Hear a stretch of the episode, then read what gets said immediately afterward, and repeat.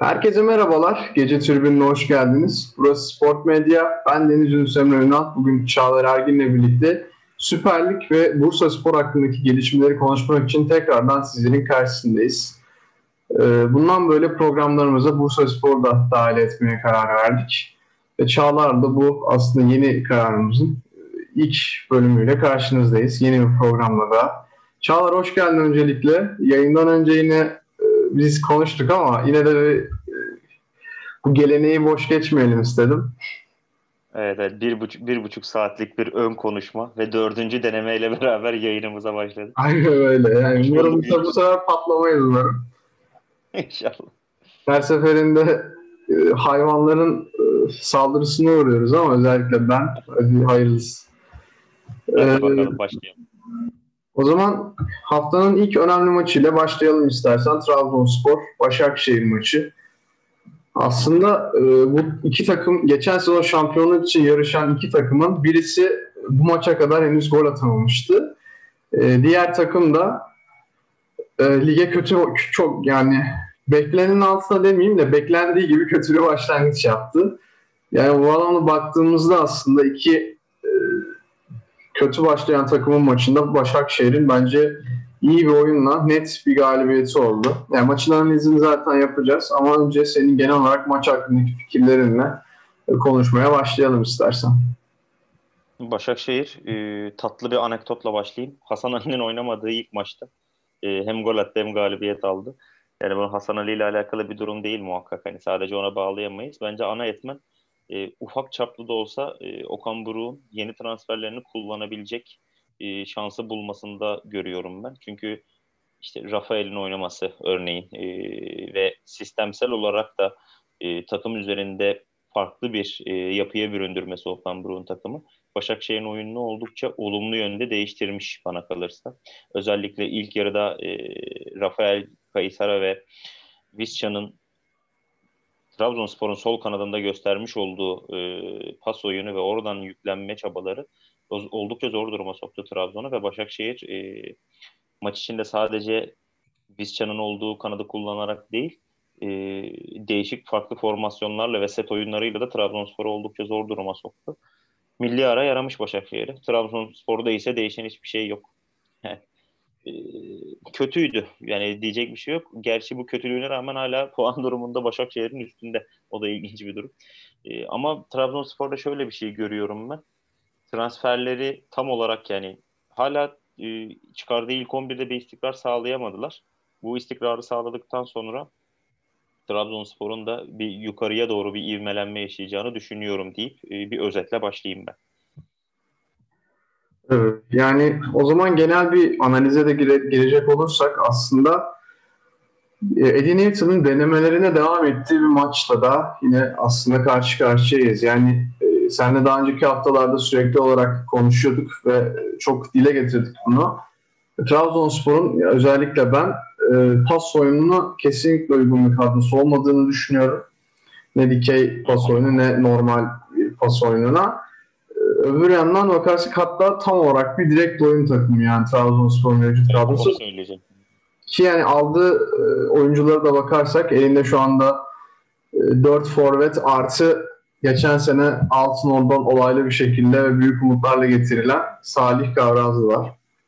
Yani bu anlamda baktığımızda aslında e, Trabzonspor'un kurduğu kadronun amacının bir 4-4-2 olduğunu tahmin etmek zor değil ama diğer yandan bir 4-4-2 takımı için e, pas oyunu hani kesinlikle uygun bir sistem, taktiksel plan değil. Diğer yandan eğer böyle bir e, hedefiniz varsa bunu bence erkenden uygulamaya başlayıp puan kayıplarını da gerekirse göze alıp ama buna e, takımın uyum sağlamasını sağlayacak şekilde sürekli olarak bunu oynamanız gerekir. Yani düşünüyorum acaba planı mı bu değildi diye Edinburgh'ın kadroyu kurarken ama planı bu değilse neden bu kadar forvet alındı? Diğer yandan e, mevcut çıkan kadroya baktığımızda hani biliyorum şu anda Trabzonspor'un orta sahasında birçok eksik vardı bu maçta yani en basitten Flavio yine cezalıydı. Yani ligin çok cezalı olan oyuncusu. Ee, Bence Trabzonspor için kilit rolde bir oyuncu Flavio yani. Bence e, ikamesi olmayan bir oyuncu zaten. Yani ya aynı geçtiğimiz sezon Galatasaray'daki Lemina'nın rolünde ya da ondan önce Trabzonspor'da Onazi'nin olduğu gibi bir yırtıcı orta saha bence direkt oyunun hatta sistemsel olarak da 4-4-2'nin vazgeçilmezidir. E, Trabzonspor'da bu rolde oynay- oynayabilecek tek oyuncu e, Flavio. Diğer taraftan Abdülkadir Parmağ'ın e, Covid olması çok e, talihsiz bir durum. E, Evet. Öbür taraf için takımda hani şeyi kabul edebilirim yani işte defansif orta saha kalmadı takımda ve mecburen Kamil Ahmet Çörekçi'yi oraya çekti gibi bir eleştiri kabul edebilirim ama geçen sezon olması lazım yanılıyor da olabilirim. E, Trabzonspor Hoseyni'yi ön libero'da oynattı. E, Hoseyni'yi ön libero oynattığınız zaman e, tamamen pasör özelliklerinden soyutlanmış bir çapayla karşı karşıya kalıyorsunuz. Bir, bir nebze hani üçlü stoperin gerçekten bir ön libero olarak oynuyor aslında bakarsanız. Ama Aynen. Trabzonspor o süreçte o 3 maçta 7 puan aldı. Yani önüne böyle somut bir başarı varken belki kadrolar çok farklı ama denenebilirdi. Yani açıkçası yani pas oyunu oynayacağım diye bu kadar e, böyle bir durumda ısrar etmesi bana e, saçma geldi Edin Newton'un. Ki zaten e, diğer taraftan hani baktığımızda kanat rotasyonuna bakıyoruz. Geçen sezon iyi veya kötü. Beğenini olabilir, beğenmeyeni olabilir. Yusuf Sarı bu kadar mı kötü durumda, bu kadar mı beğenilmiyor? Ya da e, baktığımızda yine sol tarafta Bilal Bilal ben Trabzonspor'a gelirken e, umutlarım olan bir oyuncuydu. Her ne kadar şu ana kadar iyi geçmese de dönemin. Bilal bu kadar mı kötü durumda ki Safa oynuyor ki Safa hani e, benim Trabzonspor'u yine az çok takip edebildiğim bir oyuncu çok umut vadeden birisi değil zaten. Diğer tarafta hani ki hani kanatta hani Safa'yı kullanmaya gerektirecek kadar bir e, eksik de yoktu Trabzonspor'da. Hani baktığımızda şimdi e, Abdülkadir ve Diab- Diabatelli çıkabilirdi. E, eğer hani ortada bir boşluk olacağı düşünüyorsa zaten çift forvet deneyebilir veya başka bir şey. Yani demek istediğim şu, e, bu kadar uzatmamın sebebi Trabzonspor'un mevcut kadrosu şu anda e, söylediğim gibi bir direkt oyun kadrosu e, diziliş olarak da bir 4-4-2'ye tamamen endeksli bir kadro.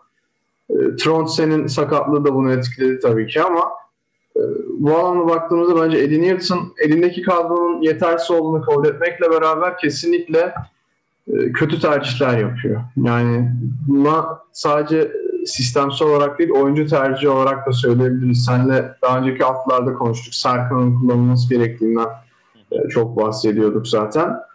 E, Bunun sonucunda Başakşehir'de de, de aslında e, Okan Buruk'un değişik bir tercihi oldu. Aslında Rafael daha öncesinde orta sahada çok az da olsa bir sağ içte tecrübesi olan bir oyuncu ama bu maçta sağ içte kullandık. Tamamen Trabzonspor'un sol tarafının eksiklerinden yararlanmak için ve bunu bence sonuna kadar kullandılar. Sağ tarafı işlediler adeta yani. E, Ki bundan yani Ma- Marlon'un e, olumlu yönlerinden birisini olarak sayamayız defans özelliğini. Diğer taraftan o tarafta sol tarafta oynayacak oyuncu belirsizliği de vardı Trabzonspor'da bir bakıma. Yani sürekli bir switch yaptılar Abdülkadir Safa ve Diabete ama e, hiçbiri böyle defansa yardım edecek seviyede kullanmadı orayı sol taraf.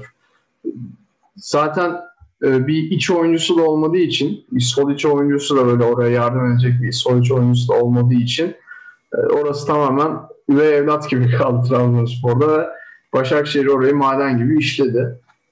E, bu- bunlardan başlayayım yani bu bahset çok şeyden bahsettim ama e, senin onları Sen toparlayacağım. maçı bitirdin. Ee, ya genel olarak benim görüşlerim bunlardı. Daha da ekleyeceğim şeyler var ama senin e, bu dediklerim ve diğer şeyler hakkındaki fikirlerin neler? Ya ben Trabzonspor'dan bir başlamak istiyorum. Şöyle aslında bana kalırsa Trabzonspor'un e, geniş kadrosuna yani sezonu götürmek isteyeceği böyle 14-15 temel oyunculuk kadrosuna baktığımızda çok da aslında böyle e, harap bir durum yok bana kalırsa. Eğer doğru bir sistemle e, oluşturulabilecek bir planlama olursa çok e, büyük problemler yaşamadan en azından taraftarına keyif vererek sezonu tamamlayabilir bence Trabzonspor. Bu yapıyı da nasıl sağlayabilir? Şimdi Başakşehir üzerinde açıkçası Trabzon'la alakalı çok söyleyecek bir şeyim yok. Çünkü sahada hiçbir şekilde bir varlık e, gösteremediler. Yani elle tutulur bir oyunları yoktu. Ama genel kadro yapısı ve bundan sonraki yapacaklarıyla ile alakalı bazı görüşlerim var. Onlardan bahsedebilirim ancak. Şimdi öncelikle bana kalırsa Trabzonspor'un o oynaması gereken sistem elindeki forvet oyuncularının yapısına baktığımızda 4-4-2'yi tam oynayabilecek bir sistem değil. Yani evet e, Benik Afobe var ama Afobe'nin yanına koyabileceğiniz onu tamamlayacak özelliklerde bir ikinci forvet oyuncunuz yok. Nitekim ki 4-4-2 oynuyorsunuz. Bu sefer çift forvetli düzeni rotasyona sokabilecek yedekte e, yeterli forvet sayısı yok. Bu noktada bana kalırsa şöyle bir e, formasyon ve oyun düzeniyle başarılı olabilir. E, 4-3-3 sisteminde fakat 4-3-3'ün e, ileri ucunda oynayan, sağ ve sol kanında oynayan oyuncular sağ iç ve sol iç olarak görev alacak. Bunlar da zaten e, Abdülkadir Ömür ve Vakayeme olarak ilk etapta ön plana çıkıyor ki ikisi de iç oyunu bence oynayabilecek e, kalibrede oyuncular. Bu noktada da bence kilit e, rol sağ bek ve sol beke kalacak. Marlon gerekli katkıyı verecektir çizgi oyununda. Çünkü hücum yönü kuvvetli bir bek olduğunu inanıyorum. Sağ bekte Pereira'yı oynatırsanız Pereira'nın e, istikrarlı bir şekilde hücum katkısı vermesi bence çok mümkün değil. E, gerek form durumundan dolayı gerek istikrarsız bir e, oyuncu olmasından dolayı. Ben orada e, sistemin içinde parlatılabilecek oyuncu olarak Serkan Hasan'ı görüyorum. Serkan orada oynadığı takdirde hücum katkısını da verebilecek bir oyuncu olduğu için ve dinamizmi de yüksek bir oyuncu olduğu için 4-3-3'ün e, sağ iç ve sol iç e, yapısında oynanan bir 4-3'ün sağ bekinde oldukça bindirmeli ve katkı veren rolde oynayabileceğine inanıyorum. E, ikinci önemli nokta tabii ki burada orta sahada oynayacak üçlü. Yani birbirini tamamlayan bir üçlü olması lazım ki burada da bu üçlülerin hem oyunun ofansif yönünü hem defansif yönünü oynayabilen hem de geçiş oyununda e, toplu oyunda sorumluluk alabilen oyuncular olması lazım ki bence bu noktada da elinde yeterli oyuncu profili var Trabzonspor'un. Bunlar zaten herkes ilk etapta düşündüğünde aynı oyuncular gelecektir. Lewis Baker, Abdülkadir Parmak ve Flavio. Tronsen sakat olduğu için. Yani Tronsen olsa Abdülkadir Parmak yerine biri Tronsen'i orada söyleyebiliriz. E, bu üçlüyle bence Trabzonspor hem geçiş oyunu başarılı oynayabilir hem de e, rakibin orta sahasına top rakipteyken yeterli e, presi ve dinamiz baskıyı sağlayabilir diye düşünüyorum. Trabzonspor'un e, bu tarz bir sistemde açıkçası başarılı olabileceğini inanıyorum. Çünkü stoperlerine baktığımızda biz defansif yükü tamamen e, takım boyu mesafesini uzun tutup Trabzonspor bütün defansif yükü defans oyuncularına bırakacak e, pozisyonlarda kalırsa büyük problem yaşar ki nitekim bu haftaya kadar da yediği gollere baktığımızda stoper ve bek oyuncularının bireysel hatasından veya doğru pozisyon almamasından kaynaklı çok fazla gol yediğini görüyoruz. Hatta e, yani yan toplarda özellikle çok sıkıntı yaşadılar. Ben bu noktada doğru stoper ikilisini açıkçası Edgar Ye ile e, Vitor Hugo olacağına inanmıyorum. Neden inanmıyorum? Çünkü evet Vitor Hugo zaten bu takımın ilk stoperidir. Yani e, Vitor Hugo'nun yanına kimi yazacağız diye düşünürsünüz Trabzonspor'da. Gerek kalitesi gerek tecrübesi olarak. Bence buradaki e, oyuncu Gaston Campi ya da Idgalie olmaması lazım. Çünkü onlar e, Hugo'yu tamamlayabilecek oyuncular değil. Evet performansı tartışılır ama oyun yapısı olarak bence oraya en yakın oyuncu Hüseyin'i diye düşünüyorum ben. E, Vitor Hugo ile Hüseyin'in de bu saydığım kadrodaki stoper hattını oluşturmasıyla Trabzonspor bu şekilde yedekten de bu sefer çünkü Benikov Bey yedekleyecek Steven Plaza sağ ve e, sol ofansif sağ ve sol pozisyonu yedekleyebilecek Canini ve Diabete gibi oyuncuları ile beraber e, oldukça ön tarafı da rotasyonlu tutabilir ve e, bence daha başarılı bir oyun yapısına bürünebilir diye düşünüyorum. Trabzonspor'la ilgili de böyle ayrıntılı şekilde görüşlerimi paylaşmış olayım. Bazı sağ olsunlar seyredenler biraz şey yaptılar bize. İsyanda bulunlar Trabzon'u niye konuşmuyorsunuz diye. İşte biz de konuştuk. İnşallah dinlerler yani. E, Trabzon'la ilgili görüşlerim bunlar. Ee, ben hani bir, bir iki noktada katılmadığım fikrimi belirteceğim. Hani 4-4-2'ye tamam. uygun olmadığını söyledin ama ben hani orada zaten 4-4-2'ye tamamen uygun bir e, kadro olduğunu kastederek söylemedim. Şundan dolayı e, Trabzonspor'un hani forvetlerine baktığımızda genelde hani 4-4-2 e, dizilişindeki sistemlere baktığımızda forvetlerin bir tanesi e, bir, ya bir target man ya da bir defans forvet seçtik ki yani oyun içinde hem pres gücü olarak hem e, takıma katkı olarak sırt dönük oyun olarak e, iyi bir katkı versin. Diğeri bir Poacher bir ceza alanı golcüsü seçilir. Trabzonspor'da yani Canini belki e, sırt dönük oyunu daha uygun bir oyuncu alınan oyunculardan ama Canini diğer yandan Plaza e, bir e, nasıl ceza anı golcüsü olarak etkili olabilir. Ama diğer taraftan bu iki oyuncu da baktığımızda Apo ve Ekuban'dan geride oyuncular seviye olarak. Apo ve Ekuban bence ikisi de değil bunların. Hani daha e, bir tık daha komple oyuncular. Hani ikisinden de belli seviyede özellikler almış oyuncular bu iki türden de. Dolayısıyla Afobe ve Afobe ve Ekuban'ı zaten e, bir forvet oyuncusu değil de genel bir hücum oyuncusu olarak görmek lazım bence. Çünkü hücumun her yanına e, adapte olabilirler. Yani merkez forvet gibi değil de dolaşan e, gezgin forvet rollerinde daha başarılı oyuncular yani. Aynen öyle. Ya bu böyle olunca zaten hani tamam 4-4-2'ye uygun değil ama diğer taraftan düşündüğünde hani 4-3-3 e, Trondsen dönünce çok mantıklı geliyor bana. Ama 4-3-3 oynarsa da Trabzonspor şöyle bir sıkıntı olacak. Yedekleyecek oyuncu yok. Hani, ya hücum anlamında var ama e, sa- orta saha anlamında orta özellikle saha yok yani. takımda yani. Takımdaki 3 orta saha o zaten. Onlar da. Evet, aynen. Öyle bir durum var.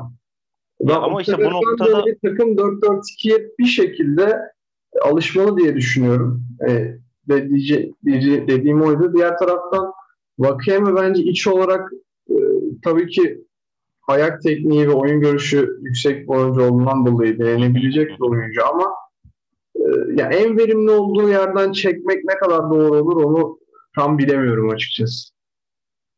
Ya bana kalırsa çekmemek de lazım zaten. Çünkü e, zaten yani böyle kafası gidip gelen bir arkadaşımız malum. Yani e, bir de sevmediği, hoşlanmadığı bir pozisyonda oynarsa daha da verimi düşer muhtemelen. Ben biraz da Başakşehir'le alakalı birkaç bir şey söyleyeceğim. Özellikle İrfan Can özelinde. E, milli takım arasında İrfan Can'ın böyle bir şey oldu. E, Dark setinden çıkmış gibi yok oldu gitti geldi bir şeyler oldu. Koronavirüs çıktı çıkmadı. Milli takım kampındayken Başakşehir antrenmanında gözüktü falan. Böyle değişik bir şeyler oldu İrfan Can'la sakat diye ayrılıp hazırlık maçında gol attı Başakşehir adına. Yani, yani de- değişik şeyler yaşandı. Onlar tabii hani futbolun saha dışı etmenleri var. Ee, onlarla alakalı bir şey tabii ki. Hani onlara çok girmeyelim ama saha içiyle alakalı bence İrfan Can bir tık da olsa tabii ki geçen seneden hala çok uzak ama bir tık da olsa kendini bulmuş gibi geldi bana. En azından daha özgüvenli, daha böyle kendini saha içine konsantre etmiş bir hali vardı. Bence bununla şöyle bir alaka görüyorum ben. E, transfer döneminin kapanması, kendisiyle alakalı transfer spekülasyonlarının bitmesi e, ve artık hani tamamen Başakşehir'e konsantre olmak zorunda olması oyuncuyu saha içine biraz daha bağlamış. O yüzden İrfan Can'ın geri dönmesi hem Başakşehir adına hem de e, açıkçası milli takım adına da önemli. Çünkü çok fazla e, alternatifi olan yapıda bir oyuncu değil İrfan Can. Evet alternatifleri var ama e, yine de bize çok lazım. Yani o yüzden e, saha içinde kalması Euro 2021 döneminde çok önemli. Başakşehir'le alakalı e, kritik rolle bir oyuncu zaten. Onun dışında da e, milli takım arası bana kalırsa Okan Buruk'a da çok iyi gelmiş. Yani e, ilk dört hafta göstermiş olduğu evet takım formsuzdu ama e, Okan Buruk da bir formsuzdu. Yani takımı sahaya hazırlamak evet e, görevinizdir fakat maç içinde yaptığınız dokunuşlarla da çok kritik e, dönemeçleri geçebilirsiniz. Bu noktada ilk dört hafta Okan Buruk da saha içine dokunuşlarında çok büyük problemler yaşadı bana kalırsa.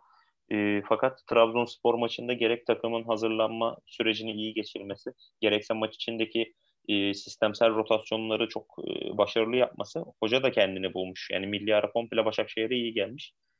Bir komik bir şey de var bugün. Hatta sen gönderdin bana yani. Şampiyonluk iddia oranları açıklanmış. Başakşehir'e utanmasalar küme düşürüyorlarmış. Yani e, bu kadar kötü bir Beşiktaş ki bu hafta gömemeyeceğiz. Hani Beşiktaş maç yapmadığı için onları eleştiremeyeceğiz bile ama yani bu kadar kötü bir Beşiktaş ve e, yani bana kalırsa e, kesinlikle sezonu Başakşehir'in Trabzon'dan üzerinde bitireceğini düşünüyorum. Onlardan geride bir şampiyonluk oranı verilmesi bir ilginç olmuş. Evet ben de bu sene açıkçası şampiyon olabileceğini düşünmüyorum Başakşehir'in ama o kadar da hani ligi 6. 7. bitirecek kadar da kötü değiller bana kalırsa yani.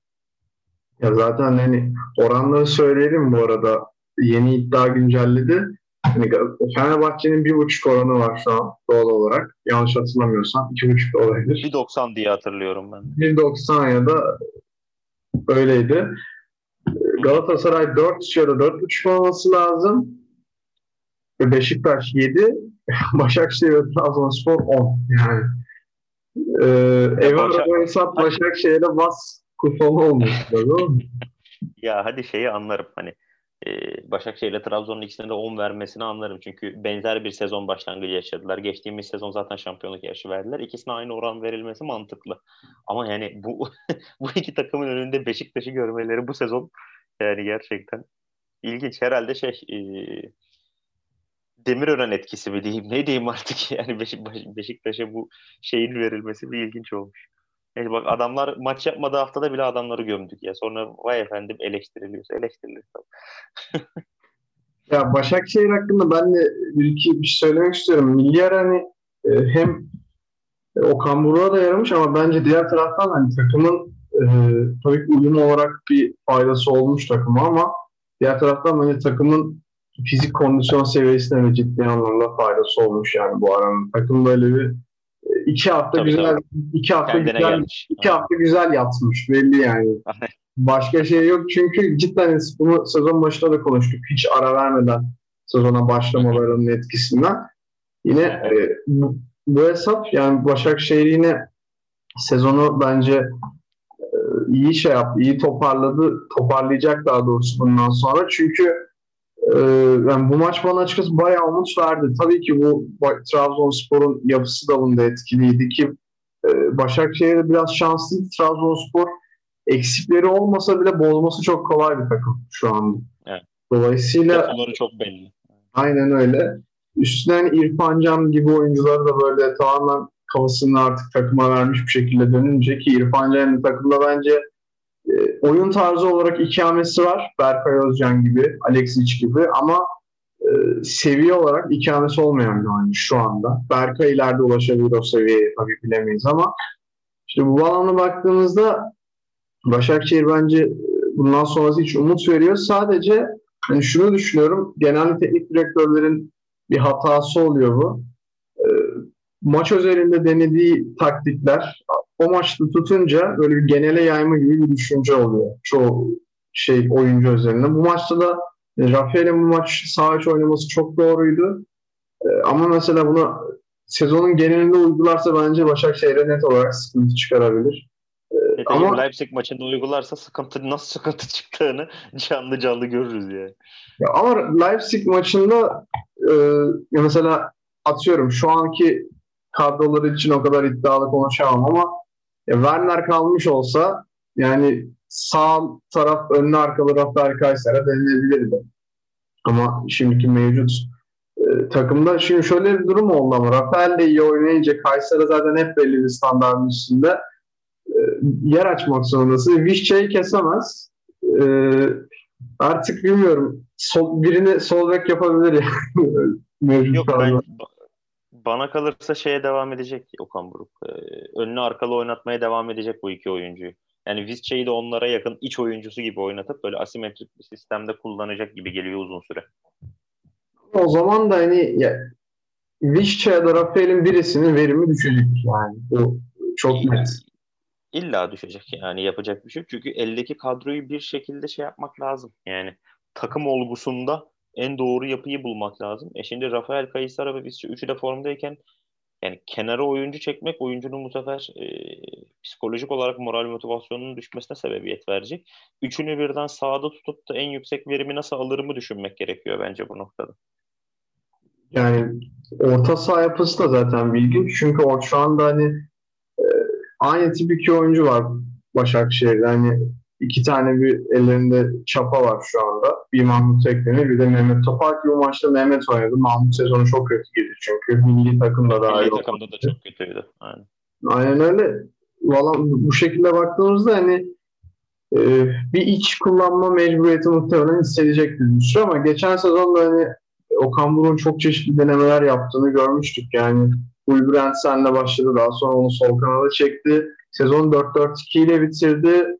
4-4-2-4-2-3-1 karması bir takımla bitirdi. Yani e, yine çok denemeler olacaktır. Ben sadece geçen sezonki gibi elinde e, ge- geçen sezon sonunda çok kullanmadı ama e, bir Joker Azabuike tipi bir temposu yüksek bir oyuncu olmalıydı diye düşünüyorum. Yani bence transfer döneminde eleştirebileceğin tek hamleleri bu olur muhtemelen.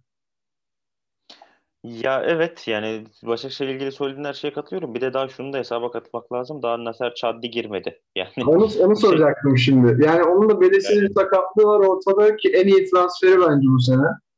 Ya ki bir de hani onun da takıma girip de form kazandı düşününce hani şu anki sistemden çok ekstrem farklı bir şey de izlemeye başlayabiliriz yani. Ama ölüm grubundan kurtuluşları yok hocam. Oraya çok ya o zaten hiç bak ağzımı açmadım o konuyla alakalı. Gerek maç, yok yani. maç şu anda açık açık belli edelim yayını ne zaman çektiğimizi. Maç bir saat sonra. ne olacağını göreceğiz yani. Biz maç başlamadan yayını bitirelim de kırmızı noktalı yayına geçmesin. Hoş, ol hoş olacağını düşünmüyorum yani. Aynen öyle. Ya, inşallah, inşallah biz yanılalım ne bileyim üçüncü bitirsin falan ama yani açıkçası ben şeyi geçtim. Hani gruptan çıkmasını, üçüncü olmasını geçtim. Puan alsa bitiş başarı yani. Aynen öyle. Zaten e, bu yani iki takımın normal zamanda ayrı ayrı konuşuyorduk ama e, bugün mecburen e, hani tek seferde konuştuk. Trabzonspor takipçileri umarım memnun olmuştur diye düşünüyoruz yani. Ne olur yani artık. Aynen öyle. Ee, o zaman Göztepe Fenerbahçe'ye geçelim. Şampiyonluk oranı 1.90 olan takımın Peki bence zaten favori. Yani e, etrafımda çok fazla e, Galatasaray, Beşiktaş taraftarı arkadaşım var. Süper Lig takımlarından tutan. E, bu kadar çok Fenerbahçe'yi şampiyonluk adayı göstermeme böyle hafif sinkaflı cümlelerle bana özelden yazıyorlar sağ olsunlar. Ama yani şimdi e, göz var, izan var denir ya harbiden öyle. Yani eğer ki Galatasaray ne bileyim 2-3 tane iyi transfer yapmış olsaydı ne bileyim Beşiktaş bu kadar kötü bir kadro mühendisliği, kadro mimarisine sahip bir kadro kurmasaydı ben de söylemezdim.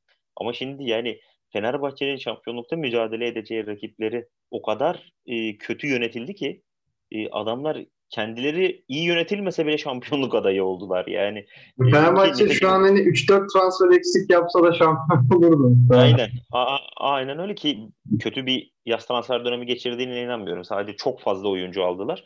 Ama hani baktığınız zaman genel kadro yapısına iyi bir kadro kurdular. Yani eğer önümüzdeki sene de 10 transfer yaparlarsa o zaman bayağı bir absürtlük olur ama zannetmiyorum. Artık bence bir kadro temeli kurma üzerinde ilerliyorlar. Ee, bana kalırsa o 1.90'lık... Böyle bir durum var. Nasıl? Yaş itibariyle oyuncuların yaşı itibariyle 2 yıllık bir temel.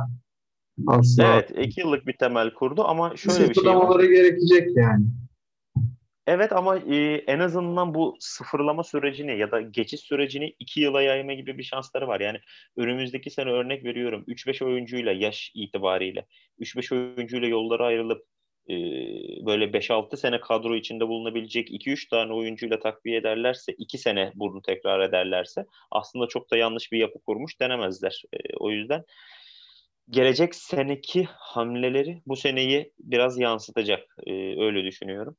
Madem girdin Fenerbahçe Göztepe'ye ben Fenerbahçe ile başlayayım.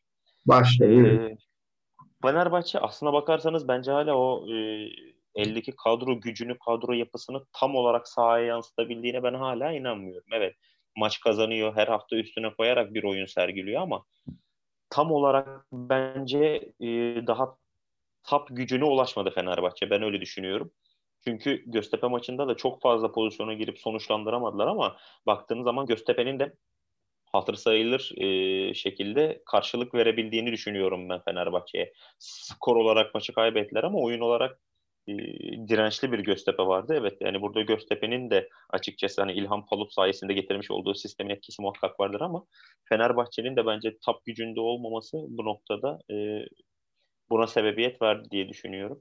Bence e, en önemli nokta Fenerbahçe'de şu Pelkas transferi. Pelkas transferi neden önemli?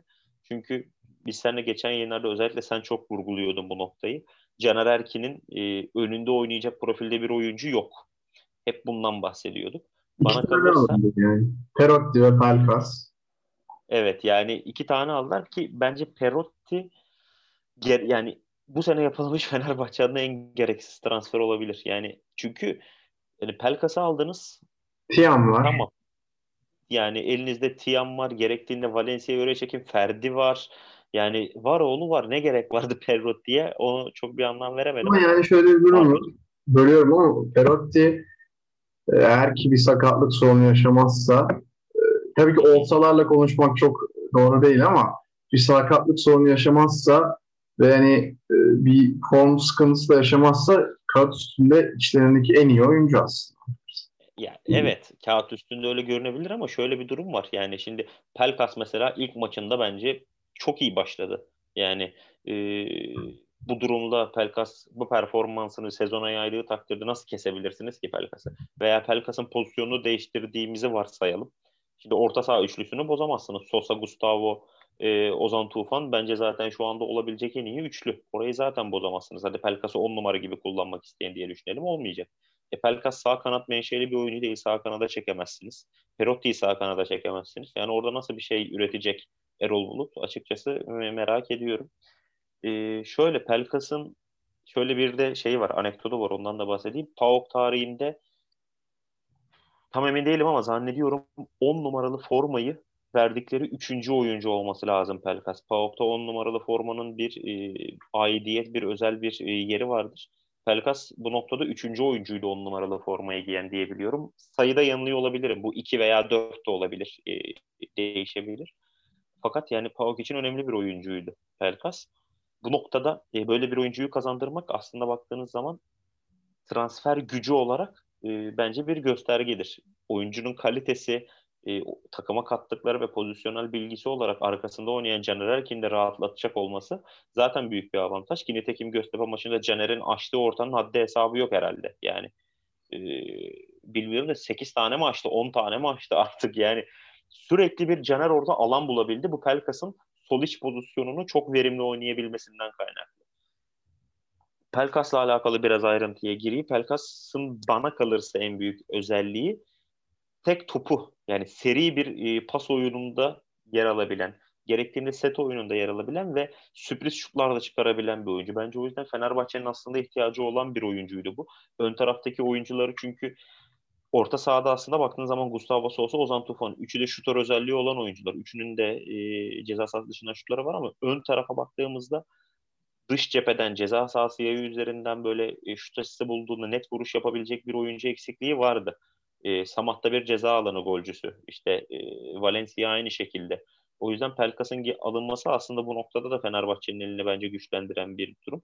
Pelkas sayesinde zaten 4-3-3 ve e, 4-3-1-2 gibi sistemleri de saha içinde rotasyonel olarak kullanabilecekler oldu. Çünkü sağ kanatta oynattığı Valencia sayesinde hani Samatta ile onları ikileyip Pelkas'ı merkeze çekip e, maç içinde böyle bir rotasyona da gidebilir. Fakat genel olarak Pelkas'ı bir Sovic olarak izleyeceğiz muhtemelen. O yüzden Pelkas'ın ben aslında kilit bir oyuncu olduğunu düşünüyorum. Ozan Tufan'ın deyimiyle Yunanistan. o da yani gerçekten inanılmaz bir adı. Gördüğümde kahkahayla güldüm yani. Bir oyuncunun adını unutup da ülkesiyle seslenmek. Yani bir tek Ozan Tufan yapardı herhalde. Zaten. Ozan Tufan'ı zaten ben hani böyle mim olmayan bir söylemini hatırlamıyorum. Ee, inanılmaz bir adam gerçekten. Ee, Bursa, yani Spor, ben, Bursa Spor tarihinin efsanesi oldu adam ya. Ya inanılmaz yani gerçekten. Bursa Spor efsanesi diyemeyiz ama yani Bursa Spor menşeli bir oyuncu olmasından kaynaklı. Ee, yani değişik kafası var. Ya öyle söyleyelim yani. Değişik bir kafa yapısı var. Ama yani bu sezon böyle giderse yani bu seviyeyi çıkartmaya devam ederse cidden Bursa Spor menşeli bir efsane olabilir yani. Ama evet, evet, ya. istikrarını devam ettirsin. Ya Ozan Tufan'la ilgili şöyle bir görüşüm var benim yani bu kadar aslında fiziki olarak hantal görünüp yani çünkü Ozan Tufan'a baktığımda ben yani halı sahada kendimi görüyor gibiyim. Böyle hani, halı sahada defansı atarım o zaman ya. Ya bu kadar hantal görünüp bu kadar dinamik olabilmek vallahi yani çok zor iş. Yani şeyi düşünüyorum Ozan'la ilgili. Simeone'nin Atletico Madrid'ine gittiğini düşünüyorum. Simeone'nin fizik kondisyon ekibiyle bir çalışma yaptığını düşünüyorum. Muhtemelen topu falan yırtar. Yani o atletizmi yakaladıktan sonraki performansı yani elit seviyeye bile evrilebilir. Çok ilginç bir yapısı var gerçekten.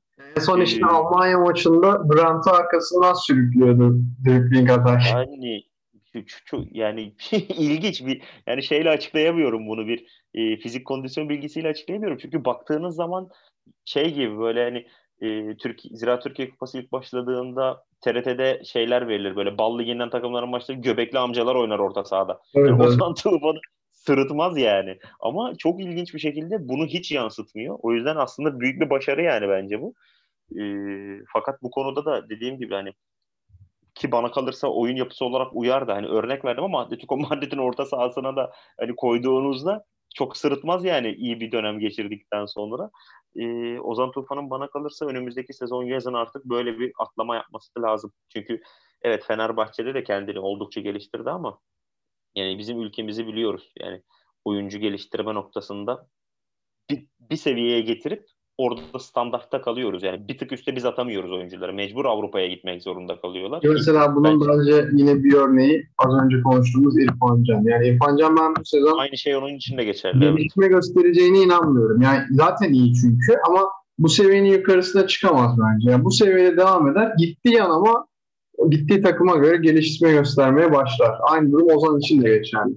Hatta oyuncularla ilgili şöyle bir örnek vereyim. Ozan Tufan olası bir Avrupa transferinde doğru bir gelişim gösterdiğinde Gerard profili çizebilir. Yani oyun yapısı olarak, oyun tarzı olarak bahsediyorum. Veya e, İrfan Can gidip aynı şekilde Avrupa seviyesinde gelişim gösteren bir Tony Kroos imajı yaratabilir. Yani bu oyuncuların biraz abartı gelebilir insanlara ama bence bu potansiyelleri var. Sadece bence, bunu açığa yani, çıkarmaları lazım. Ozan da, Ozan Tufan da, Orkan da ya Kante'nin e, Türk profilleri gibiler aslında ikisi de. Tabii ki e, ufak tefek farklılıklar var aralarında ama oyun profili olarak, oyun tarzı olarak birebir e, aynı tarzı yansıtan oyuncular bana göre. Ozan'ın da gittiğinde yani e, belli seviyeyi, belli bir seviyeyi aşması için bir, olumsuz bir sebep göremiyorum yani. Bence de, bence de katılıyorum. E, Fenerbahçe ile ilgili iki oyuncu özeline girdim ama genel olarak da bir devam edeyim. Ee, Nazım Sangare'den bahsedeyim biraz. Sangare'de şöyle bir yapı var. İlk kez forma giydi yanlış hatırlamıyorsam Sangare. Gökhan Gönül'ün yokluğunda. Aslına bakarsanız bence Robot'un oynatmak istediği oyun yapısına uygun Sangare. Ben öyle çok sırıttığını düşünmüyorum. Bence Sangare'nin en büyük problemi defansif anlamda. Bunun da sebebini şöyle görüyorum. Şimdi Antalya Spor'dan geldi Sangare ve Antalya Spor'da baktığınız zaman Fenerbahçe kadar ön tarafta oyun oynayan ya da e, sürekli gol arayan, maç kazanmak isteyen bir yapıda oyun oynamadı Antalya Spor'dayken Sangare. O yüzden hani daha stabil, kendi pozisyonunu koruyan, topu kazanıldığı zaman toplu oyunda oldukça bir ofansif katkısı olan bir bek görüntüsü çizdi. Ama şimdi Fenerbahçe'de arkada bırakılan açık alanlara rakibin yaptığı kontra ataklarda e, mücadele ettiği için Sangare bence burada bir ufak e, bocaladı. Çünkü hamle zamanlamasında bir iki tane böyle e, şey nasıl söyleyeyim problem oldu. Yani çok hevesli topu almaya. Fakat şöyle bir problem var. Bu sefer topu kazanacağım, rakipten önce topu alacağım derken 2-3 kere mesela arkasına rakibini kaçırdı. Bu noktada biraz böyle hani hücum oynayan, daha önde basan bir takımda oynadığının farkında bir profile evrilmesi lazım. Yoksa Gökhan Gönül'den formayı kolay kolay alamaz gibi duruyor yani. Aynen öyle. Ya ben Nazım Sangar açıkçası Antalya Spor'da da yani en böyle büyütüldüğü dönemlerde dahil olmak üzere hiç zaman e, bu övüldüğü kadar beğendiğim bir oyuncu olmadı. Hücumsal olarak da yani Fenerbahçe seviyesi için aslında hani olması gereken konumda şu an. Fenerbahçe seviyesi için iyi bir yedek konumunda ama e, Gökhan Gönül'ün bir hadi bilemediğiniz iki yılı kaldı bu seviyede devam edebileceği. O gittikten sonra Nazım Sangar'ı ilk 11'e monte etmeye çalışmak mesela bana göre hatadır. Bu maçta Tabii ki bu maçta oyuncu ayrılmak doğru değil ama bu maçta bunun bir göstergesi oldu bence. Ee, diğer taraftan hani kadro hakkında hani tabii ki önemli değişikliklerden birisi aslına bakarsanız e, Galatasaray maçından beri denenen bir şey bu. Ozan Tufan'ın Gustavo Sosa'nın önünde e, ikinci ve üçüncü bölge arasında hatta üçüncü bölgede bir pres unsuru olarak kullanılıp yani bir on numara olduğu söyleniyor da hani 10 numara demek doğru olacağını düşünmüyorum. Yani ön alanda baskı kurması için oraya yerleştirilen bir e, tempo barı gibi düşünebiliriz Ozan'ı. Ama e, bunun işte bence bu maçta Ozan yine iyiydi. Ama her maçta ben bu seviyede devam edebileceğini düşünmüyorum orada. Yani aslında illaki illaki tabii. Yani, bu sebepten ben Ozan'ın yani Gustavo ve Sosa'nın arasına çekilmesi gerektiğini düşünüyorum. Arasında dediğim yani Gustavo'nun önünde Sosa ve Ozan'ın iç oyuncuları olarak oynaması gerektiğini düşünüyorum ilerleyen maçlarda. Bunun da zaten bence Erol Bulut da yapacaktır. Bunu göreceğiz bence. Ee, diğer taraftan yani Fenerbahçe'nin mevcut kadrosuna baktığımızda seçenekler açıkçası ya buradan KB'ye yol olur. Yani şöyle bir göz attığımızda 3 tane farklı 11 çıkar ya. Yani mesela mevcut kadrosu bile kafadan direkt ben hatta ilk sana kadroyu attığımda şey demiştim. Ha, Fenerbahçe'ye baklava 4-4-2 mi oynayacak demiştim. Perkas esasında 10 numara çünkü. e, öyle de olmadı. Ki hani birçok diziliş oynayabilir, üçlü savunma oynayabilir Fenerbahçe. Ya muhtemelen raki, rakibe göre bu söylediklerimizin hepsini zamanla gösterecektir Erol Bulut diye düşünüyorum. Çünkü kadroyu ona göre kurdu herhalde. Yani bu kadar transferin bence başka bir açıklaması yok. Aynen öyle. Ya elinde gereksiz bir bolluk var. Yani şu an hani mesela Adem'i'nin adını bile anmıyoruz şu an. Muhtemelen de sezon boyunca da çok alabileceğimizi sanmıyorum mevcut kadroya. Rotasyona alınan Sinan Gümüş şu an e, bilemiyorum 3. 4. oyuncu falan oldu. Kanat rotasyonunda. Fenerbahçe bence şey zannetti ya hani bu, bu sene biz Şampiyonlar Ligi'nde oynuyoruz herhalde hani ona göre bir rotasyon takımı kuralım yani. Çünkü öyle 3 kulvarda mücadele edecek bir rotasyonu var şu an Fenerbahçe'nin. Gerçi şunu da hesap etmiş olabilirler. Orada hak veriyorum. Sonuçta ilk kez bu kadar uzun bir sezon maratonu yaşanacak. Hani o noktada da muhtemelen geçmiş senelerde yaşadığı sıkıntıyı yaşamamak için hani örnek veriyorum. Valencia form eksikliği yaşadı. Tamam çık kardeşim yenisi var. İşte Samat da form eksikliği yaşadı. Çık kardeşim var zaten biri. Hani bu şekilde sezon boyunca aynı form grafiğini yüksek tutabilmek adına böyle bir şey de yapmış olabilirler. O noktada da saygı duymak lazım tabii. Yani. Orası öyle ama yani Manchester City'nin bile bu kadar rotasyonu yok. Öyle bir durum var yani. Manchester'ın bu kadar rotasyonu yok da Manchester'ın ilk 11'i zaten yani böyle bir rotasyona yani ihtiyacı da yok. Diyorum ya Manchester City hep bu sebepten eleştirilen bir takım. Niye bu kadar geniş rotasyonu var diye. City'nin bile bu kadar yok rotasyonu yani. Doğru söylüyorsun. Evet. Ee, ya benim değinmemi istediğim bir iki konu daha var. Onlara da hemen kısa kısa değinelim. Bunlardan bir tanesi gollerin birçoğunda yani maçta olan 5 gol 4 akan oyunda geldi daha doğrusu. 3 akan oyunda geldi ve gollerde çok sayıda bireysel hataya rastladık. Yani evet.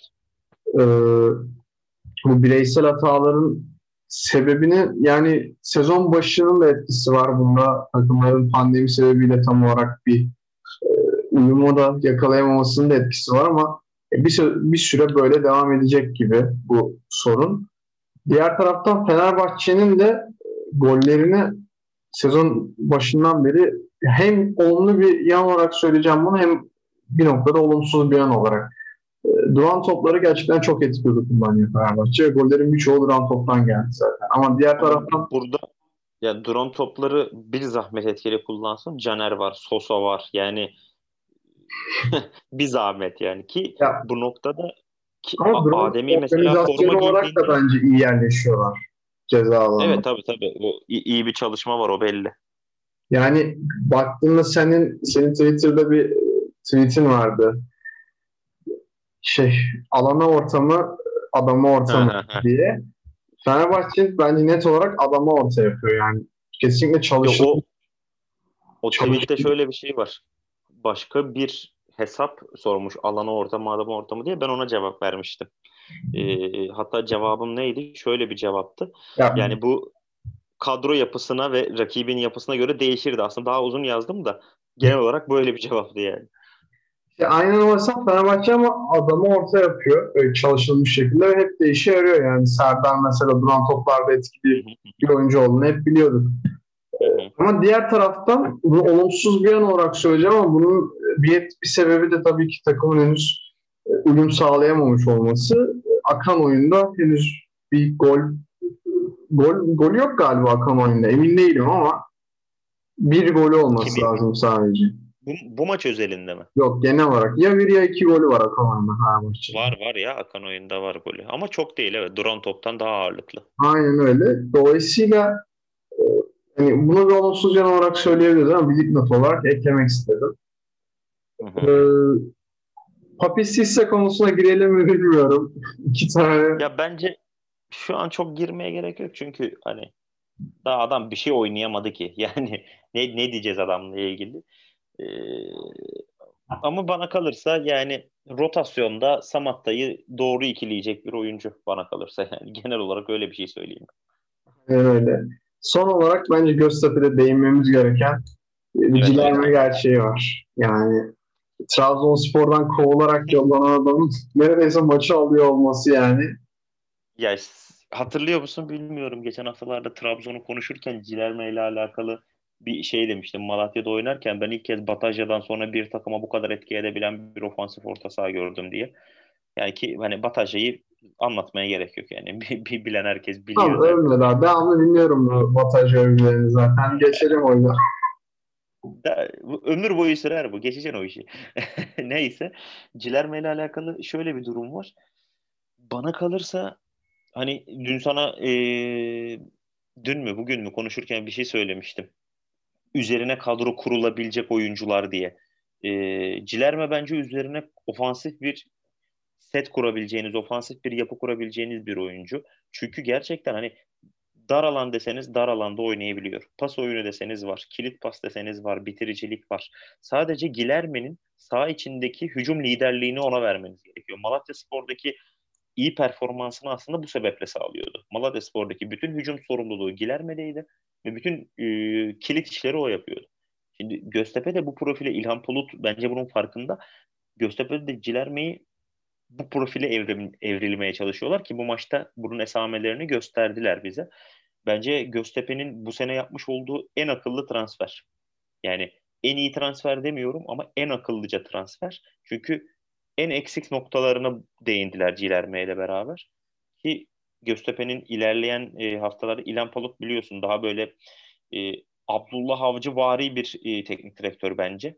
Daha set oyunu, daha durağan, pas, e, yani rakibi toplu oyunda yorarak Guardiola ekolünden gelen bir. Ya böyle, evet yani çok böyle e, bastır bastır tempolu bir oyun değil ama daha sakin set oyunlarıyla hücuma e, çıkan bir takım. Gilerme bu noktada kilit rol görecektir. E, bu oyun sisteminde de skorer yapıda sıkıntı çeken Göztepe'nin bence e, çözümü olacak diye düşünüyorum ben. Aynen öyle. Gilerme için. Ki İlhan Palut'un aslında genel olarak Göztepe'nin ilk hafta Trabzonspor maçından sonra eksiklerine değinirken ben orta alandaki yaratıcı oyuncu eksiğinden bahsetmiştim. Ki Mossora çünkü artık e, kaldıramıyor bu, bu seviyeyi. Torunu olacak artık. Aynen öyle. Ya beni liseden mezun etti adam yani. Öyle bir şey var adam. Ee, işte bu sebepten Cilerme bence aşırı önemli bir transfer. Zaten yani bedelsiz almaları da ayrı bir olay. Yani evet, ya. Trabzonspor bölümünde bahsettik. Orta saha eksiği o kadar varken bırakmaları vesaire. Gerçekten hani e, yanlış bir dönemden başladık yayın yapmayı bilmiyorum. Eleştirmekten yoruluyorum çünkü artık takımları yani. ee, Biri çıkıp dese ki oğlum siz ne biliyoruz da ne konuşuyoruz. Ama yani Bu bana haksız, kalırsa şöyle bir durum var. Haksız diyemezler. Öyle bir durum var. Ya şöyle bir durum var. Biz evet yani sonuçta yönetimsel yapıyı bilemeyiz ya da örnek veriyorum saha dışında Trabzon'da yönetimle oyuncu arasındaki ilişkiyi bilemeyiz. Biz saha içinde bir gördüğümüz var ve onu yorumluyoruz zaten yani.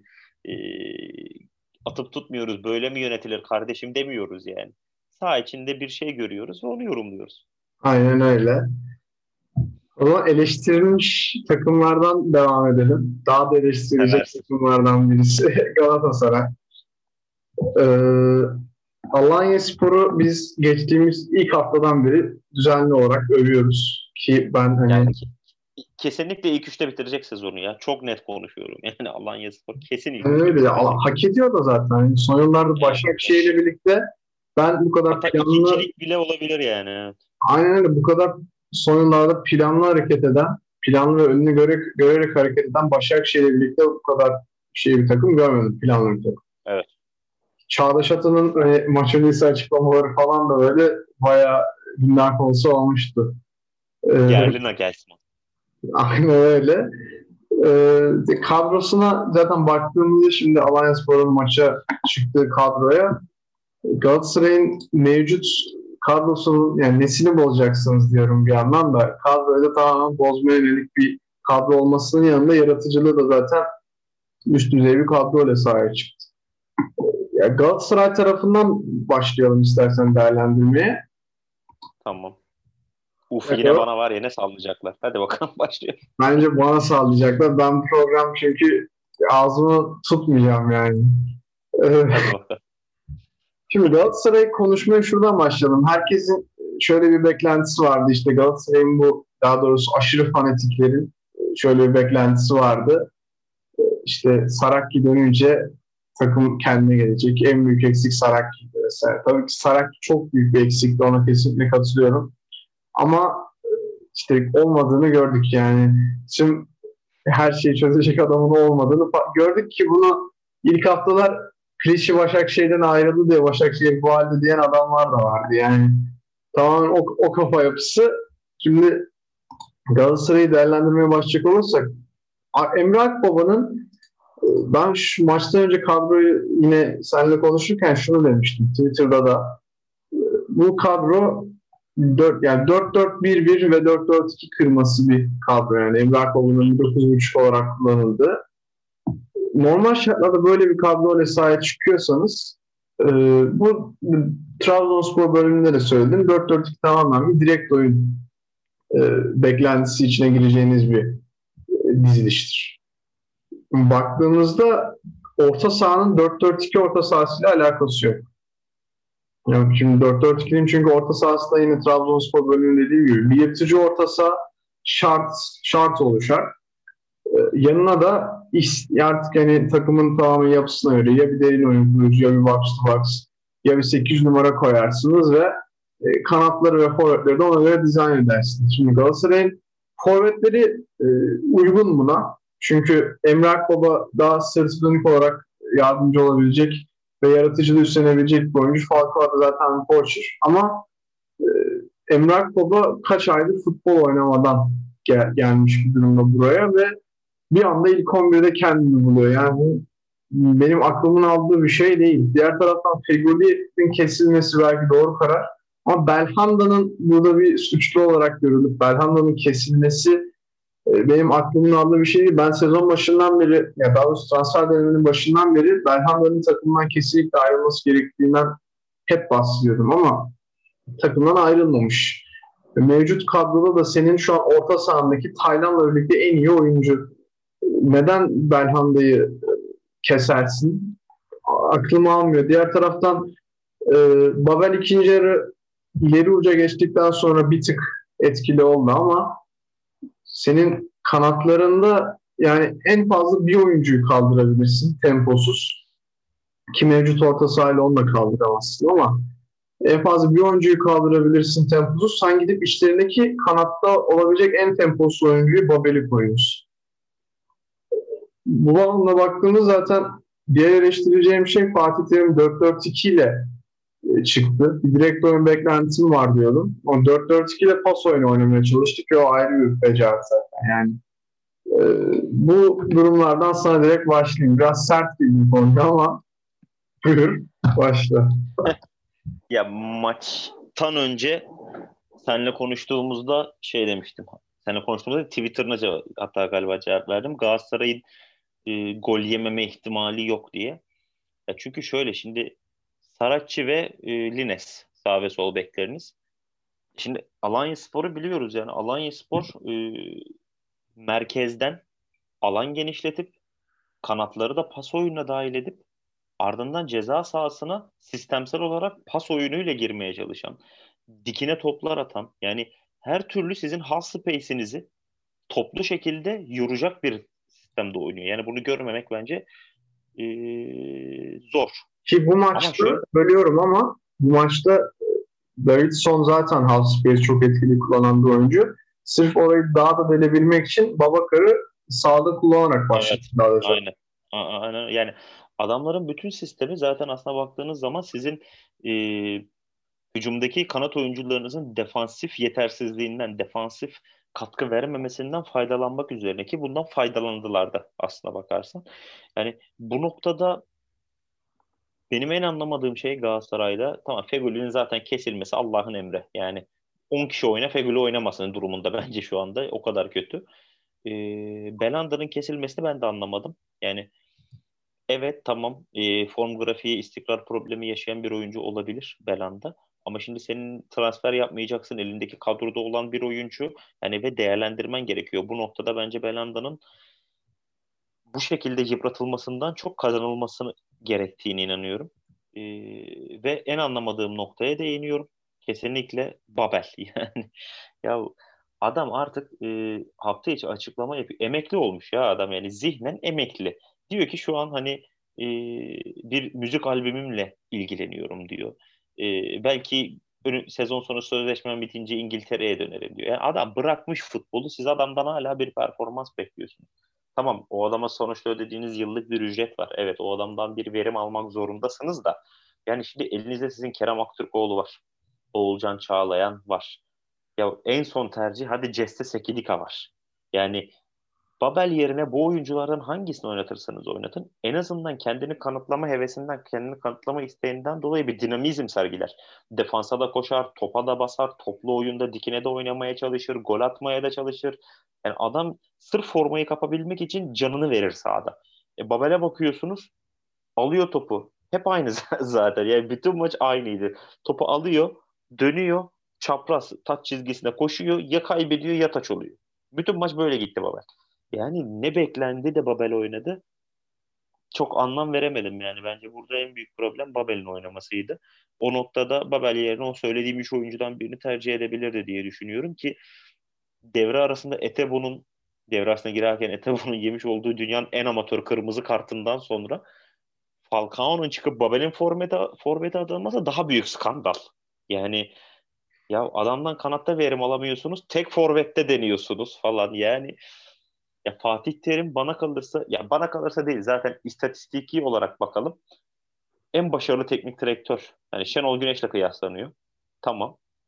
Fatih Terim'i zaten eleştirmek, Fatih Terim'i ya da ne bileyim teknik taktikle alakalı onunla alakalı bir yorum yapabilmek bana kalırsa hani bizim zaten haddimiz değil de Türkiye'deki hiçbir futbol yorumcusunun haddi değil.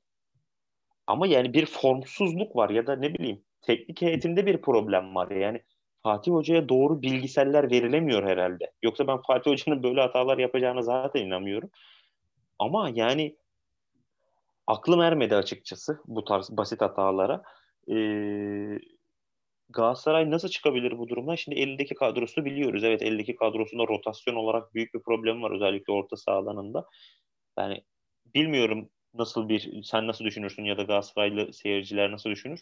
Ama ben e, kesinlikle Donk'un bu Galatasaray orta sahasında yer alması gerektiğine inanıyorum. Yani şundan dolayı yer alması gerektiğine inanıyorum. Çünkü merkezden Galatasaray artık Tayland bir yere kadar yani insan en nihayetinde. Galatasaray artık merkezden de delinmeye başladı. Donk'un burada stoper özellikle bir orta saha olmasından kaynaklı en azından defansif açıdan Luyendam ve Marcao'yu daha rahatlatarak ön tarafta oynayan oyuncuların da defansif yükünü biraz üstüne alarak en azından orta sahadaki Taylan ve yanında oynayacak Belanda, Etabo, X kim oynarsa oynasın onların dinamizmi bir yükseğe çıkabilecek bir oyuncu olduğunu inanıyorum ilk etapta devre arası transfer dönemine kadar. O yüzden ben Donk'un kesin oynaması gerektiğini inanıyorum. Hücum anlamında da sana katılıyorum. Ee, yani iki tane bu kadar zaman harcayan, topu ayağında tutan, aldığı zaman verimli oynayamayan oyuncunun hem sağ hem sol açıkta beraber oynaması büyük sıkıntı. Yani Emre Kılınç her türlü oynamalı sol açıkta. Sol iç olarak değil, sol açıkta. Her türlü oynamalı Emre Kılınç. Ee, sol kanatla alakalı bir şüphe yok. Sağ kanat tercihi burada çok bence kritik. Sağ kanatta oynatabileceği elinde aslında oyuncular var. Ama bu oyuncuların hepsi aynı profilde. Feguli, Arda, Babel. Yani Arda sağ kanat oynayamaz da kanat özellikle bir oyuncu diye sayıyorum. Babel. De sağda çok çizgiye evet, yani sağ... kalıyor da orada çok olmuyor. Yani, yani bana kalırsa şu an Galatasaray'ın kadrosundaki sağ açık oynayacak yani profil olarak oynayabilecek oyuncu Oğulcan Çağlayan'dır. Ama hiç tercih edilmedi. Nedenini bilmiyorum. Belki ilerleyen haftalarda görürüz. Ama bence profil olarak en uygun oyuncu Oğulcan diye düşünüyorum. Galatasaray'ın kendi içinde bir çözüme gitmesi lazım. Zaten Fatih Terim'in üzerine bir yıpratıcı bir hem medyasal bir baskı da söz konusu. Yani ben bunu öyle görüyorum en azından. Yönetimsel olarak da çok büyük zaten e, anlaşmazlıkları var. Galatasaray'ın form grafiği bu şekilde gittikten sonra ben Fatih Hoca'nın sezon sonunu görmeyeceğini düşünüyorum. Göremeyeceğini değil de kendi tercihleriyle Galatasaray'dan e, daha fazla Galatasaray'a zarar vermemek ve işte kendini de yıpratmamak adına ayrılacağını düşünüyorum. Çünkü Galatasaraylı bence çok tartışılacak bir adam değil zaten. Hani eğer bir ayrılma kararı verirse bu Galatasaray'a zarar vermemek için olacaktır. Ki bu yapı böyle devam ederse de iş oraya gidiyor gibi geliyor bana. Ki bence hani e, yönetime böyle alttan alttan laf sokmaları dışında bir şey yok. Yani bunu daha önce de bahsettim. Hani Galatasaray tarihinin belki en kötü 2-3 yönetiminden birisi. Fatih Hoca hani bu kadar başarısızlığın üstünde bu enkazın kendine kalmasını bence de kaldıramayacaktır diye düşünüyorum. Ayrılması bana da ihtimal dahilinde geliyor yani eğer hani bu durum devam ederse. Hani mevcut kadro evet sen bir şey söyleyecektin. Yok yok ee, senin söylediklerini düşünüyorum da sıkıntı yok sen devam et yani. Ee, yani mevcut kadro özelinde sadece hani bir alternatif aklıma şu geliyor. Ya takımın bekleri ve stoperleri de buna uygun olduğu için ama bu söyleyeceğim sistemin kesinlikle hani yedekleri yok elde. Ee, tek denenebilecek şey geçen sene Paris Saint Germain Real Madrid maçları, Real Madrid maçında değil pardon. Paris Saint Germain maçında kullanıldığı gibi e, bir üçlü savunma ama o maçtaki gibi hani o maçtaki üçlü savunma biliyorsun ben 5 gol yemeyeyim üçlü savunmasıydı. Yani bir e, taktik... Elinde 3 tane stoper var zaten. Nasıl oynayacaksın üçlü savunma? Ama işte mevcut kadrodan verim alabileceğim başka bir diziliş ve sistem gelmiyor aklıma. Hani e, baktığında şimdi beklerin uygun üçlü savunmaya. Üçlü savunmanın bir özelliği nedir? genelde şu şekilde kurgulanır. Sağ ve sol stoper pasör, ortadaki stoper daha kesici rolde. Buna da uygun stoperlerin. Orta saha e, hem bir tık yaratıcılığı olan hem de temposu olan oyuncular. Orta saha da uygun. Taylan'la Etebo dedik. Tamam. Ya da Taylan'la Belhanda dedik diyelim ki. Belhanda ee, bence olmaz da tamam evet. Kanatların kanatların bir şey demiyorum. Yani bir tek Emre Kılıç'ı o, o noktada şey. 3-4-3 var diyorum. 3-4-1-2 zaten olmaz da. E, tek patlayacağın şey üçlü savunmada forvet olur. Şöyle ben Falcao'nun e, hala da yeterli top gelse yani yeterli yaratıcılık gösterirse etkili olacağını düşünüyorum ama üçlü savunma için genelde forvetlerin ya bir yaratıcı forvet yani hem böyle ceza sahasında etkili hem de e, takım oyununa etki eden bir oyuncu olması gerektiğini ya da e, bir pivot santrafor ya da sırt dönük olarak iyi oynayabilecek bir oyuncu olduğunu inanıyorum. Galatasaray'da şu an öyle bir oyuncu yok mevcut kadroda. Yani dolayısıyla e, ya akıl nasıl diyeyim akıl yormak, kafa yormak bence Galatasaray'a şu an e, faydasız gibi geliyor. Fatih Hoca'ya gerçekten Allah kolaylık versin. Ha şunu söylüyorum yönetimin bu durumdaki etkisi çok büyük aşırı büyük hem de ama Fatih Terim de kesinlikle iyi dönem geçirmiyor. Yani mevcut takımda yönetimin payı yüzde altmışsa Fatih Terim'in payı yüzde kırk. Yani... Ya illaki olabilir ama şöyle bir şey var bence. Yani e, Fatih Terim bence duygusal karakterde bir teknik adam. Duygusal karakterde bir teknik adam olmasından dolayı saha dışı etmenlerle çok fazla haşır neşir. E, bu da illaki saha içine yansıyacak. Yani yansımaması mümkün değil. Yani bu Jose Mourinho'da bile yansıyor. Jose Mourinho dediğiniz adamın başaramadığı iş yok futbol dünyasında. Ama o bile sağ dışıyla alakalı spekülasyonlara dahil olduğu anda ki Manchester United'da bunları gördük, Real Madrid'de bunları gördük. O bile etkileniyor ki Fatih Terim iyice duygusal yapısı ağır basan bir teknik direktör. O yüzden bunlar bence çok normal şeyler yani. Aynen öyle. O zaman Galatasaray'la ilgili ekleyeceğim bir şey yoksa bitirelim bu bölümde. Yok. E, Alanya Spor'la ilgili birkaç bir şey söyleyeceğim. Alanya Spor'la ilgili söylerken sadece hani e, iki, bir, bir oyuncudan bahsedeceğim. Bir de Çağdaş Atan'dan bahsetmek istiyorum. Oyuncu bence zaten herkesin tahmin edeceği gibi Salih Uçan. Yani e, inanılmaz bir şeyde gelişimde Salih. Bence milli takımda kesinlikle olması gerektiğini inanıyorum ben Salih'in. Çünkü ya bu kadar iyi geçiş oyunu oynatabilen bir oyuncu uzun süredir görmemiştim. Yani İrfan'da görüyoruz zaten bunu. Bir de ama yani Salih milli takımı kesinlikle hak eden bir oyuncu. Şu an Çağdaş Atan'ın Alanya Spor'da oynatmaya çalıştığı yaklaşık 4-5 tane farklı sistem var. Bu 4-5 tane farklı sistemin hepsinin merkezi Salih. Yani e, o yüzden çok değerli. Hala da yaşı genç. Ben Salih'in e, ısrarla bu şekilde devam edip milli takımda yer alması gerektiğine kesinlikle inanıyorum. Yani en çok hak eden oyunculardan biri o. Bir de Çağdaş Atan'la ilgili birkaç bir şey söyleyeceğim. Çağdaş Atan ya evet takımı sahaya çok iyi hazırlıyor. Çok güzel e, maç içi hamleler yapıyor. Bunlardan yana sıkıntı yok ama benim en çok hoşuma giden şey maç önü ve maç sonu konuşmalarındaki bilgi aktarışları. E, maç önü ve maç sonuyla e, söyledikleri şeylerin altının dolu olması. Yani ben uzun süredir e, teknik direktörlerden bu yapıda şeyler görmüyordum. Bursa Spor taraftarı olduğum için yoğun takip ediyorum Bursa Spor'u. Geçen sene Yalçın Koşukavak, Yalçın Hoca aynı şekilde sistemsel yapılardan çok güzel bahsediyordu. E, bence bu tarz teknik direktörlerin yani saha içiyle alakalı kafa yoran teknik direktörlerin artışı Türk futboluna olumlu yansıyacaktır. Çağdaş Atan da bu noktada şu anda üst seviyedeki e, en önemli temsilci Okan Buruk gibi.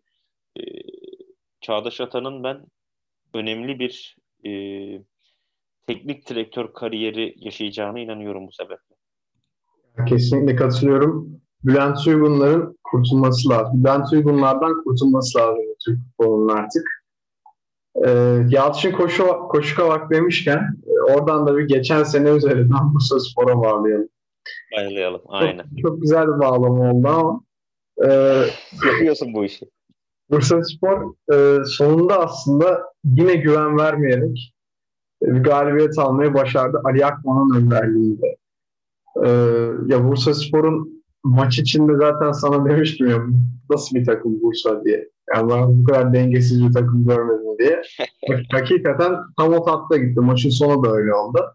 Senin bu maç hakkındaki ve Bursa Spor hakkındaki, Ali hakkındaki kısa kısa görüşlerini alayım.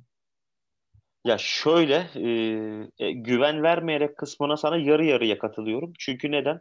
E, teknik direktör Mustafa Er, Mustafa Hoca devre arasındaki Bolu'da yap, e, devre arası diyorum. Milli arasında Bolu'da yapılan kampta e, bir basın söyleşisinde şöyle bir şey kullanmıştı. E, takımın defansif olarak eksiklerinin farkındayız ve takım olarak buna çalışıyoruz diye. E, nitekim bu maçta ben bunu gördüm. Bursa Spor ilk e, milli araya kadar oynadığı maçlardaki en büyük problemi şuydu 20 dakikalık, 25 dakikalık, maksimum 40 dakikalık performanslar sergileyebiliyordu takım halinde. Ondan sonra kondisyon olarak düşüyordu, e, oyuncular pozisyonlarını kaybediyordu. Birçok problem yaşıyordu. Bolu kampında özellikle bu noktada büyük gelişim göstermiş takım. Çünkü ortalama 80 dakika gibi bir süre takım hiçbir zaman oyundan düşmedi. Bir kere konsantrasyon kaybı yaşadı. Onda da gol yedi zaten. Hızlı bir taç atışı sonucunda e, Balıkesir golü buldu. Onun dışında takım konsantrasyonunu ve kondisyonunu gerçekten çok beğendim ben. Daha derli toplu bir takım görüntüsü verdi Bursa Spor. O noktada ben mutluyum açıkçası bu gelişimden. Ee, genel olarak şimdi Balıkesir spor maçı ile ilgili konuşacak olursam da ilk 45 dakika açıkçası böyle hani birbirini tartan iki takım gibiydi. Hem Bursa Spor hem Balıkesir.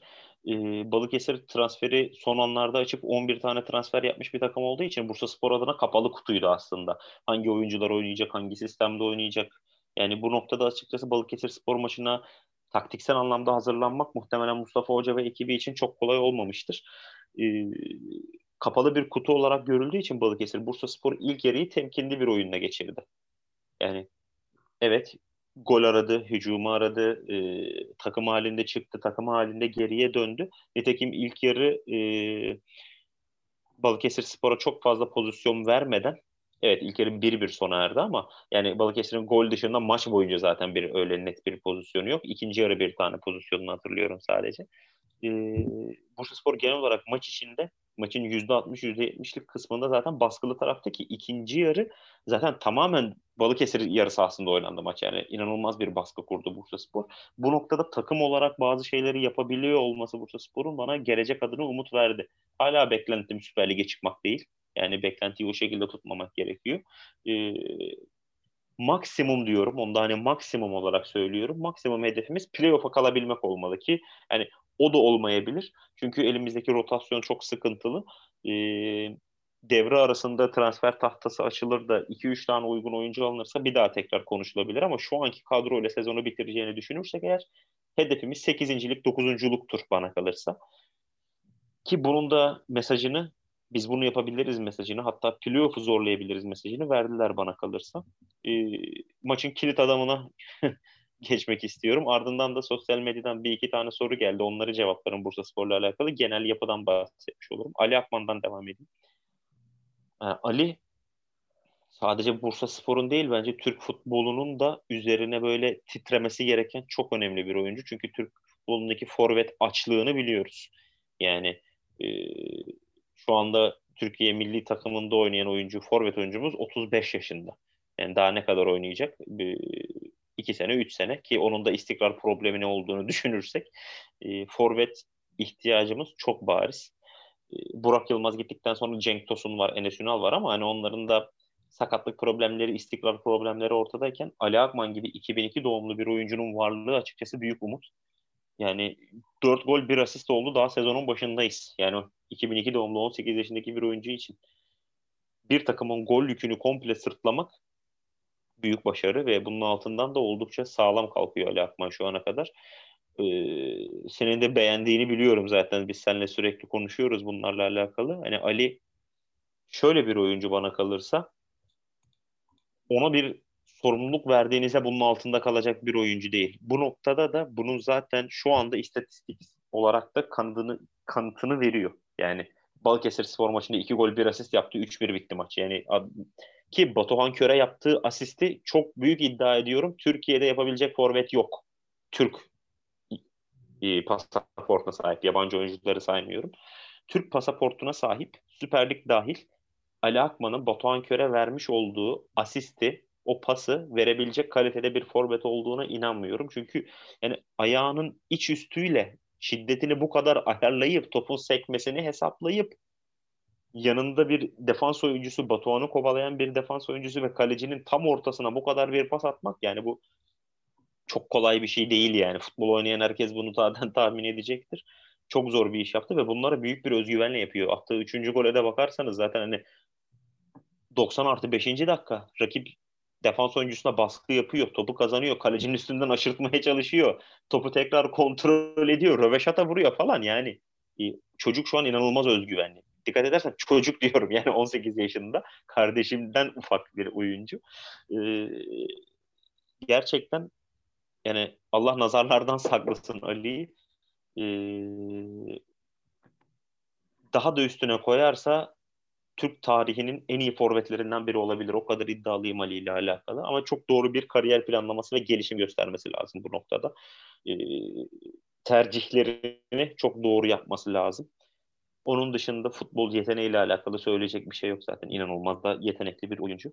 Birkaç soru gelmişti. Onlara e, yanıt vereyim. Onur Atasayar'la ilgili bir soru var. Onur Atasayar bana kalırsa şu anda kadronun en vasıfsız oyuncusu diyeyim. Hadi hani çok ağır konuşmayayım. En vasıfsız oyuncusu diyeyim. Yani yediğimiz golde zaten bariz bir hatası var. Halı sahada yenmeyecek bir çalımı yiyor Mirsic'ten. yani e, altyapıdan çıkan Abdullah Tazgel diye bir oyuncusu var Bursa Spor'un sol bek oyuncusu bu oyuncu. Yani ben Abdullah'ın hiçbir koşulda Onur'dan kötü olacağını inanmıyorum. Mustafa Hoca'nın tercih etme sebebini açıkçası tahmin edebiliyorum. Çünkü şimdi Burak Kapacak oynuyor e, Onur Atasayar'ın önünde.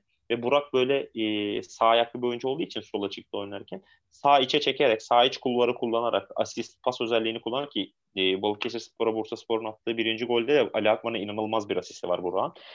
Bu tarz özellikleri olan bir oyuncu olduğu için Onur Atasayar'ın da çizgiden bindirmelerini değerlendirmeye çalışıyor muhtemelen. Bu noktada da Mustafa Hoca'yı anlıyorum ama yani bu kadar zaten sıkıntılı bir kadro yapısındayken bence Abdullah Tazgel'i oraya yerleştirmeye çalışmak zamanla e, daha faydalı olacaktır Bursa Spor'a diye düşünüyorum. Çünkü Onur'dan artık bir beklentim yok benim. Senelerdir Bursa Spor'da sürekli bir sakatlık problemi yaşıyor. Sakatlığından dönüyor istikrar problemi yaşıyor. Yani Bursa Spor'da toplam oynadığı sürede bir sezonluk katkı vermemiştir Bursa Spor'a. O yüzden ondan bir beklenti olmaması gerektiğine inanıyorum. Bir diğer soru da 5 oyuncu değişikliği hakkıyla alakalıydı. E, bundan önceki milli maçtan önceki e, maçlarda 5 oyuncuyu hep kullandı Mustafa Hoca. Hep kullandı ve 5 oyuncu değiştirmek aslında büyük de bir avantaj değil. Çünkü baktığınız zaman takımın yarısını çıkarıp yarısı, e, yeni bir e, yarım takım koyuyorsunuz sahaya. Yani bir oyuncuların e, anında maç temposuna girmesi falan çok kolay şeyler değil. O yüzden aslında 5 oyuncu değiştirmek sadece sakatlık anlarında olası bir kırmızı kartta falan avantaj sağlayabilir. Onun dışında 3 oyuncu, 2 oyuncu, 4 oyuncu değiştirerek de saha içindeki yapıyı etki edebilirsiniz ki Balıkesir spor maçında 3 oyuncu değiştirdi e, Mustafa Hoca. Bu noktada bence doğru da bir karar aldı. Her maç 5 oyuncu değiştirmek şart değil yani. 5 oyuncu değiştireceksin demiyor. Bu bir hak. 3 e, e, oyuncu değiştirdikten sonra oyunun gidişatına göre uzatma dakikalarında süreyi harcamaya yönelik olarak bile kullanabilirsiniz. Buna da öyle bir cevap vereyim. Bursa Spor'la ilgili genel görüşlerim bunlar. Ee, bir de son olarak e, unutmadan Emirhan'a değineceğim. Emirhan Aydoğan sol ayaklı bir merkez orta saha oyuncusu. Oyunda geçiş oyununda iki yönlü oyunu çok başarılı oynayabilen bir oyuncu ve e, en büyük problemi Bursa Spor'da oynadığı e, süreçteki en büyük problemi şuydu çok basit pas hatası yapıyordu bir orta saha oyuncusuna göre. Top almaktan kaçınıyordu, sorumluluk almaktan kaçınıyordu, zor topları deniyordu. Bunları minimal seviyeye düşürmüş. Açıkçası bu beni çok mutlu etti ve sorumluluk alıyor. Top çıkarırken, oyunu yönlendirirken oldukça böyle bir e, Emre Belezoğlu havası var şu anda Emirhan'da. Bunu koruması lazım diye düşünüyorum ben. Eğer bunu korursa Bursa Spor için çok önemli bir oyuncu olabilir Emirhan. Ee, peki eklemek istediğin başka bir şey var mı Bursa Spor hakkında? Yok e, Menemen Spor'la oynayacak Bursa Spor. Ondan sonra da Akisar iki tane üst üste deplasmanı var. Menemen Spor Bursa Spor'un Balıkesir Spor maçı gibi geçireceği kazanma ihtimali olan hatta e, bence favori çıkacağı bir maç. Akisar maçı ise tam bir e, terazi maçı. Çok dengede. E, Bursa Spor'un bu iki maçtan alacağı sonuç bence Bursa Spor'un sezon içindeki kaderini de oldukça belirleyecektir. E, o maçlardaki Bursa Spor'un durumuna göre tekrar Bursa Spor'la alakalı daha sağlıklı konuşuruz. Tamamdır o zaman. Ee, bugün biraz milli ara dönüşüm programı olduğu için bir tık uzun program Konuştuk her şeyi. her şeyi konuştuk yani. Bir dakika bile olsa Beşiktaş'ı Beşiktaş'ı gömmeden bitirmediğimiz için. Evet onu diyecektim ya valla. Neyse haftaya gömeriz artık. Aynen öyle. Ee, o zaman bugünlük bizden bu kadar. Ee, kendinize iyi bakın. Hoşçakalın. Görüşmek üzere.